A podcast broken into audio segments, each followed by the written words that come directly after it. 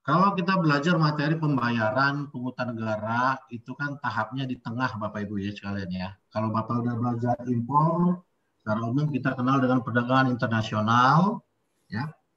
Impor kalau kita mau coba mendescribe, menggambarkan sedikit uh, impor itu adalah dimulai dari terbitnya pesanan barang dari negara kita atau kita PO ke luar negeri, lalu mereka menjawab uh, setuju tidak dengan penawaran kita, barang, harga, kondisi, lalu mereka memberi jawaban, oke okay, kita langsung setuju, lalu mereka juga kirimkan barang, gitu Bapak Ibu ya. Pada saat pengiriman barang di jalan mereka mengirimkan yang namanya packing list, invoice, airwayable ke udara, ya. Lalu kita di sini uh, menerima dokumen-dokumen pelengkap pabean tersebut. Itu dokumen pelengkap ya semuanya namanya. Lalu kita buatkan dokumen dokumen pabean. Itu yang kita sebut dengan pemberitaan impor barang, PIB. PIB. Lalu pada ah, kita berbicara pada time saat ini nih, kita mau bikin dokumen pabean, ya. Di dalam dokumen pabean itu jelas entitas kita, lalu jelas jumlah jenis barang dan pungutan maupun biaya masuk yang harus dibayar, jelas. Itu Pak ya. Nah, pada saat kita membuat dokumen itu juga, kita diwajibkan untuk melakukan pembayaran Pak ya. Pungutan, biaya masuk maupun PDRI. Nah, di tahap inilah yang mau kita bahas saat ini. Pembayaran pungutan negara tadi. Tahap-tahapan mulai dari saya merefresh sedikit impor, ya. Tadi sedikit impor kita refresh. Saat ini ada tahap pembayarannya. Ya, referensi Undang-Undang Nomor 10 Tahun 1995 dan perubahannya 17 2006 Peraturan Menteri Keuangan Bapak bisa baca. Uh, kita udah punya materi semua Pak ya. Nah, pertanyaannya kenapa harus pakai undang-undang sih melakukan pembayaran? Karena memang negara mengutip bayaran kepada masyarakat wajib berdasarkan undang-undang itu sudah diatur di Undang-Undang Dasar 1945 sebagai dasar hukum.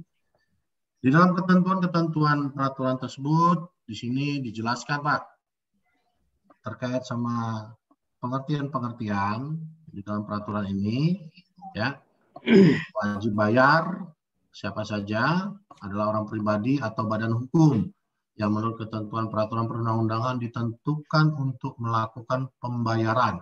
Ini Pak ya, yang menurut peraturan perundang-undangan ditentukan untuk melakukan pembayaran penerimaan negara dalam rangka impor, PPH maupun PPN-nya, penerimaan negara dalam rangka ekspor, itu biaya keluar, penerimaan negara atas barang kena cukai, cukainya, dan penerimaan negara yang berasal dari pengenaan denda administrasi atas pengangkutan barang tertentu.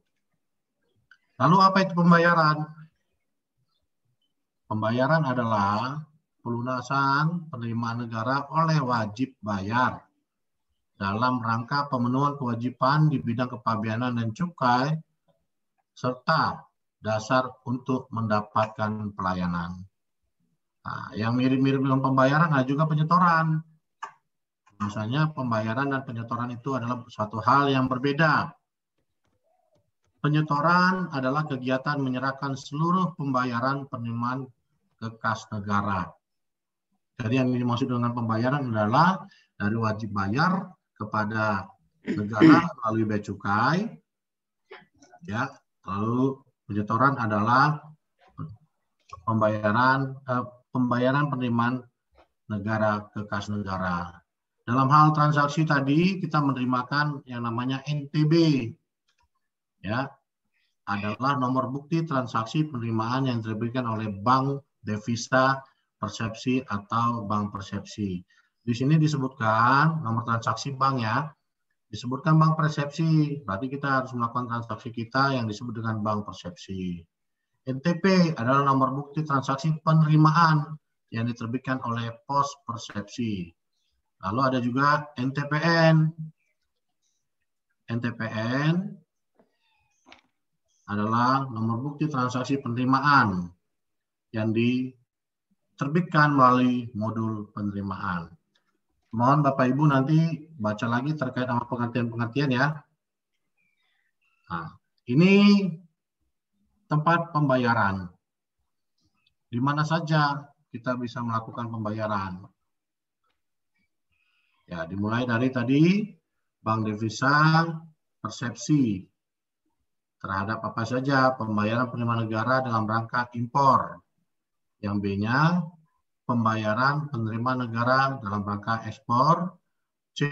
Pembayaran penerimaan negara atas barang kena cukai. BKC barang kena cukai yang dibayar bersamaan dengan pembayaran penerimaan negara dalam rangka impor. Inilah ruang lingkup pada uh, kita membayar bank di bank devisa persepsi. Lalu ada lagi bank persepsi, ya. Bank persepsi pembayaran penerimaan negara atas BKC, barang kena cukai. Di pos persepsi juga ada Pak, penerimaan negara dalam rangka impor, lalu penerimaan negara dalam rangka ekspor, pembayaran penerimaan negara atas barang kena cukai. Di bea cukai bisa nggak? Pembayaran penerimaan negara atas impor atau ekspor barang yang dilakukan oleh penumpang, sarang pengangkut, dan pelintas batas. Jadi kalau Bapak dari luar negeri, ya berstatus sebagai penumpang, itu langsung ada penilaian oleh pejabat bea dan cukai di situ terhadap barang-barang yang Bapak bawa. Itu langsung Bapak bisa store di situ, bayar ya. Di kantor bea dan cukai. Di kantor pos juga bisa kita lakukan pembayaran. Pembayaran penerimaan negara dalam rangka impor atau ekspor barang-barang kiriman pos ataupun jasa titipan ya. Ya, ini pengertian dari secara umum arti daripada bank persepsi itu. Bank persepsi adalah bank umum yang ditunjuk oleh BUN, bendahara umum negara atau kuasa bendahara umum negara. Dalam hal ini menteri ya Bu ya, Pak, untuk menerima setoran penerimaan negara bukan dalam rangka ekspor dan impor yang meliputi sorry Bu, ini bukan salah ya, setoran penerimaan negara dalam rangka ekspor bukan ini nanti ke dalam uh, PNBP, penerimaan negara bukan pajak. Tetapi di sini penerimaan negara dalam rangka ekspor dan impor yang meliputi penerimaan pajak, cukai dalam negeri, dan penerimaan bukan pajak. Itu diatur dalam PMK 161 tahun 2008. Bank Persepsi ditunjuk untuk menjadi mitra KPPN, Kantor Pelayanan Perbendaharaan Negara. Atas jasa pelayanan penerimaan setoran penerimaan negara, Bank Persepsi memperoleh imbalan dari Kementerian Keuangan melalui Direktorat Jenderal Perbendaraan. Jelas tugasnya di sini Bapak Ibu ya. Lalu syarat-syarat yang harus dipenuhi mau persepsi adalah agar dapat menerima penyetoran, ini bisa kita baca nanti di ketentuannya masing-masing.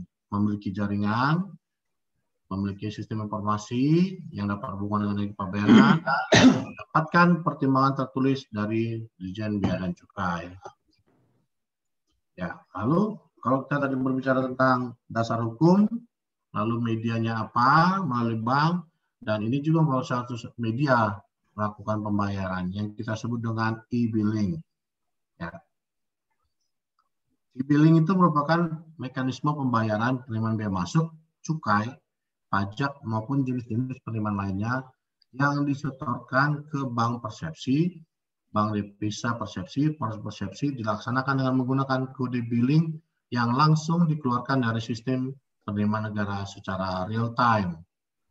Lalu, dengan menggunakan kode billing tersebut, selanjutnya wajib bayar dapat melaksanakan pembayaran kepada pihak bank menggunakan sistem perbankan modern dengan berbagai media alternatif seperti ATM, mobile banking, internet banking, dan lain-lain. Ilustrasi sederhana mekanisme pembayaran menggunakan kode billing dapat dicontohkan seperti kita ketika Anda melakukan transaksi pembelian tiket pesawat atau kereta api secara online. Artinya media sistem billing ini sudah mempermudah pengguna jasa untuk melakukan pembayaran. Bisa melalui ATM, mobile banking, banking, dan lain-lain. Dari segi keabsahan hukumnya juga sudah didukung, artinya dianggap sah. Itu Bapak Ibu ya. Selanjutnya ini contohnya e-billing dan yang di sebelah kiri saya ini, ini lembaran SSPCP, surat setoran pabean cukai dan pajak. Ya, itu jelas ya ada kode kantor penerbit, lalu jenis yang dibayar apa saja, impor, ekspor, cukai, atau barang tentu, lalu entitas ataupun identitas daripada wajib bayar, ada nomor IPWP, nama alamat, dan dokumen dasar pembayaran. Bapak Ibu membayar apa nih? Dokumen apa? Lalu selanjutnya ada juga pos-pos yang kita bayarkan dengan kode akun masing-masing. Ya, dari bea masuk, bea masuk, bea masuk anti dumping, bea masuk lainnya termasuk terus sampai ke bawah itu. Nah, yang sebelah kanan ini adalah billingnya. Ada barcode, kode kantor, ya, kode billing, jatuh tempo. Ada juga dokumennya apa, wajib bayar, dan akunnya juga ada di bawah Bapak Ibu. Jadi dengan begini, lebih memudahkan kita untuk melakukan pembayaran dengan memakai aplikasi ini. Ya, seperti saya bilang tadi, manfaat sistem aplikasi billing apa saja sih? Ya, sederhana, cukup membawa struk billing ke bank ATM atau kantor pos untuk proses pelunasan cukai. Mudah, pembayaran atas tagihan dapat dilakukan di bank mana pun dan kapan pun sebelum batas waktu billing tersebut berakhir. Cepat, Data pelunasan langsung terupdate di aplikasi DJBC segera setelah dilakukan pembayaran, dikarenakan telah terintegrasi aplikasi pelunasan bank ke DJBC melalui Dijen Perbendaharaan. Artinya integritasnya DJBC, bank, Dijen Perbendaharaan sudah ngeling. Jadi langsung konfirmasi, Pak. Kalau zaman dulu kita harus melakukan konfirmasi secara manual. Valid dan akurasi data lebih terjamin. Ya. Ini manfaat-manfaat daripada sistem aplikasi billing. Kondisi lainnya yang mungkin bisa terjadi ya koreksi penerimaan negara NTPN nomor transaksi penerimaan negara terhadap kesalahan kode kantor, jenis dokumen dasar penyetoran, nomor dan tanggal dokumen dasar penyetoran, identitas wajib bayar, kode akun dan nilai akun tidak mengubah total itu dapat diajukan permohonan mungkin di sini masih diakomodir terkait sama kesalahan-kesalahan administrasi yang bersifat manusiawi. Lalu gangguan sistem billing tidak dapat menerima nomor transaksi penerimaan NTPN negara. Pejabat BC menerima NTPN secara manual, konfirmasi ke KPPN jika sesuai maka melakukan perekaman pelunasan. Di sini juga masih dikasih kemudahan buat kita sekiranya sistem ataupun uh, sinyal ataupun koneksi antara BC ke bank ke KPPN itu tidak terkonek, maka dapat diambil kebijakan untuk melakukan secara manual. Nanti bea cukai yang akan mengkonfirmasi KPPN secara manual, ya. Dan jika memang sesuai, maka dilakukan perekaman untuk pelunasannya. Gangguan sistem tidak dapat menerbitkan billing. Pembayaran dilakukan secara manual dengan BPPM wajib bayar mengisi sendiri melalui portal BPPM bedancukai.id. Sama tadi Pak, terhadap kendala-kendala sistem-sistem ini, kita masih bisa dilakukan secara manual, di nantinya langsung dilakukan konfirmasi. Ya, alur daripada pembayaran, ini kita join dengan penyetoran di Kepabeanan dan Cukai. Ini dokumen impornya misalkan PIB, melalui pertukaran data elektronik, media elektronik. Ya, ini yang dapat kita baca di sini melalui media PDE untuk billing. Ya. Kita mulai pertama yang tadi pengguna jasa, ya, mengirimkan data ke kantor bea dan cukai, data dokumen pabean, lalu juga sekaligus create billing, kode billing, browse billing itu ada di sistem aplikasinya Pak. Sistem billing DJBC via portal. Ya. Lalu kode billing tadi masuk ke bank dan pos, lalu dari bank ataupun pos memberi BPN, di penerimaan negara, ya. lalu kelima pelayanan pabean SPPB, SPJM, PJK.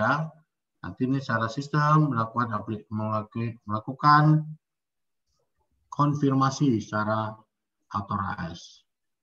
Lalu dari Dirjen Perbendaraan, ya itu mereka menerima data billing dari JBC, mengirimkan data pelunasan hasil billing, di JBC.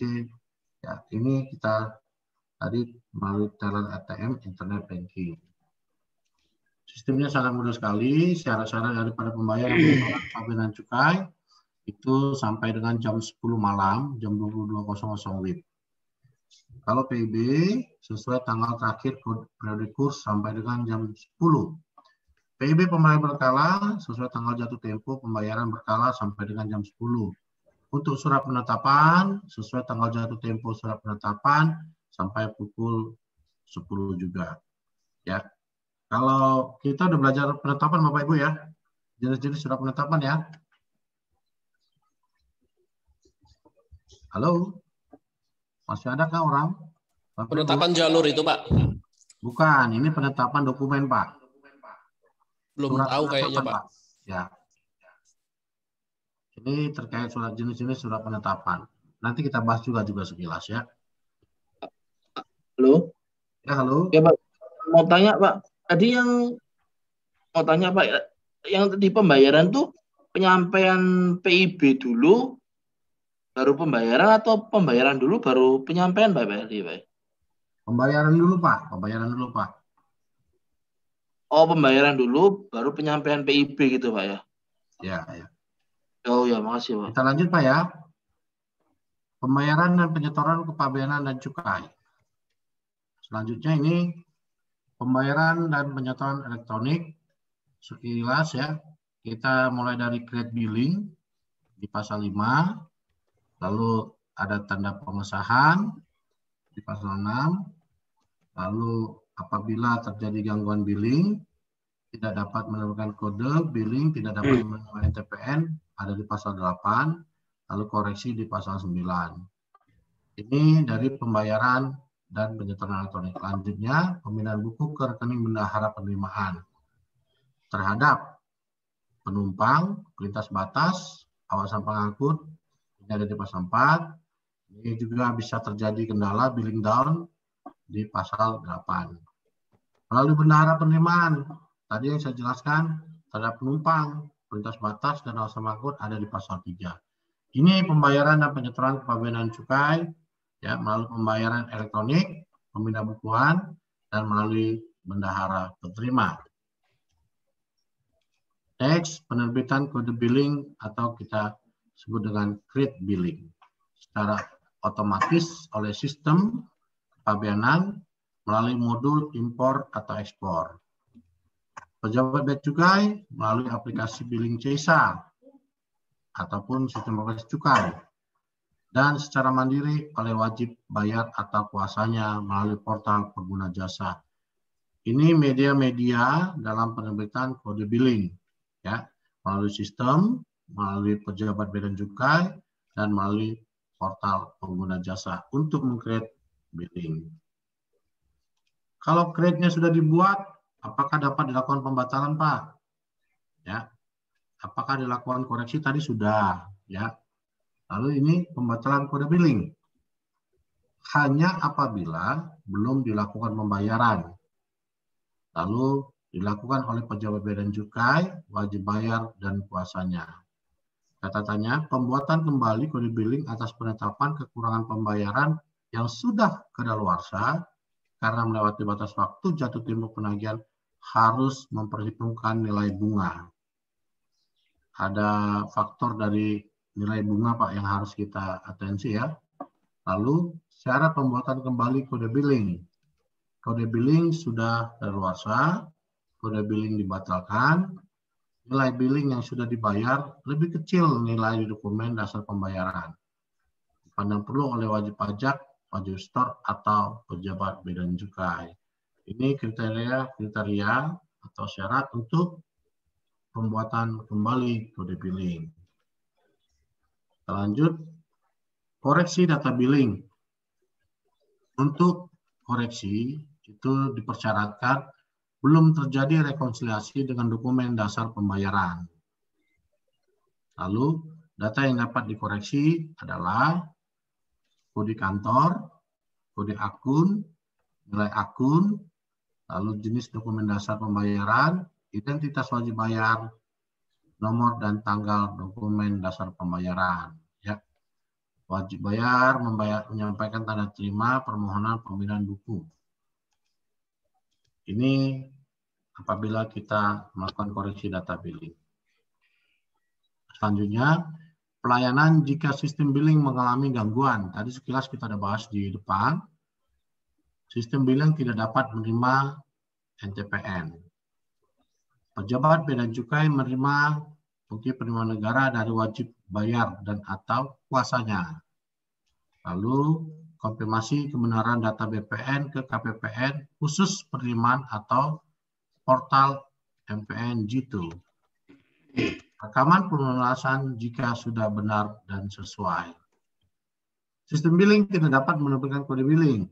Ya. Kepala kantor dapat memutuskan pembayaran penerimaan negara dilakukan melalui rekening bendahara penerimaan.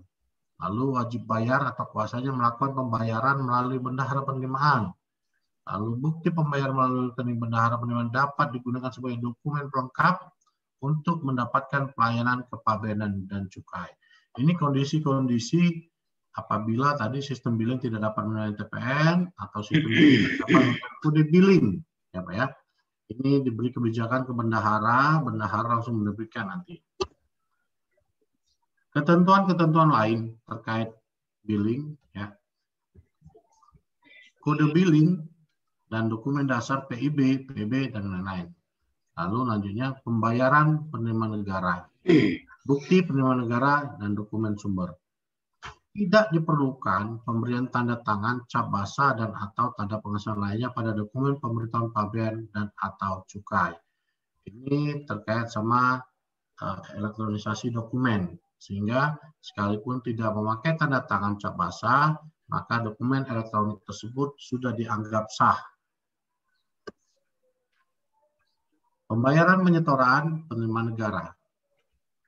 Ini dari pengguna jasa.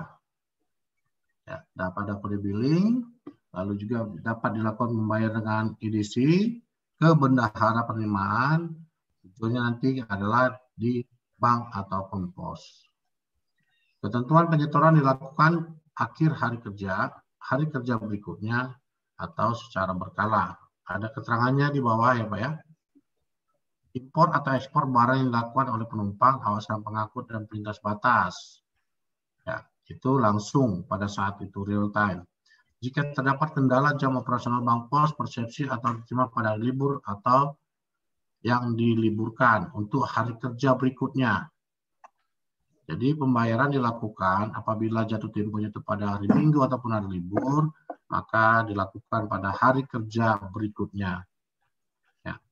Untuk yang berkala, ketersediaan layanan bank atau pos, nilai geografis, jarak tempuh biaya, perlu izin dari Kepala Kantor Wilayah Direktorat Jenderal Perbendaharaan. Untuk yang berkala, Pak. Ya, selanjutnya, yang melalui edisi itu, penyetoran dilakukan paling lama pada hari kerja berikutnya sejak pembayaran telah terima dari rekening bendahara penerimaan untuk yang melalui EDC. Itu kondisi-kondisi. Selanjutnya, pokok-pokok pengaturan dari PR33 tahun 2016. Ini pembayaran dan penyetoran secara elektronik, pembinaan buku ke rekening bendahara penerima, lalu melalui bendahara penerimaan. Pembayaran dan penyetoran elektronik ini pembayaran dan penyetoran umum, kode billing, struk billing, media better dan BPN, jatuh tempo, dan pembatalan. Ini bisa kita lihat nanti ketentuannya di, di per 33. Selanjutnya, pembinaan buku ke rekening bendahara penerima apabila tidak dapat menerbitkan kode billing ada di pasal 11. Ini ada atensinya pernyataan direktur IKC lalu ada penumpang, PLB, dan awak asal pengangkut untuk pasal 12 ayat 1. Lalu melalui bendahara penerimaan, penumpang, PLB, dan awal asal pengangkut tidak tersedia media pembayaran seketika sekaligus. Ya, ini menjadi pokok-pokok pengaturan dari 33.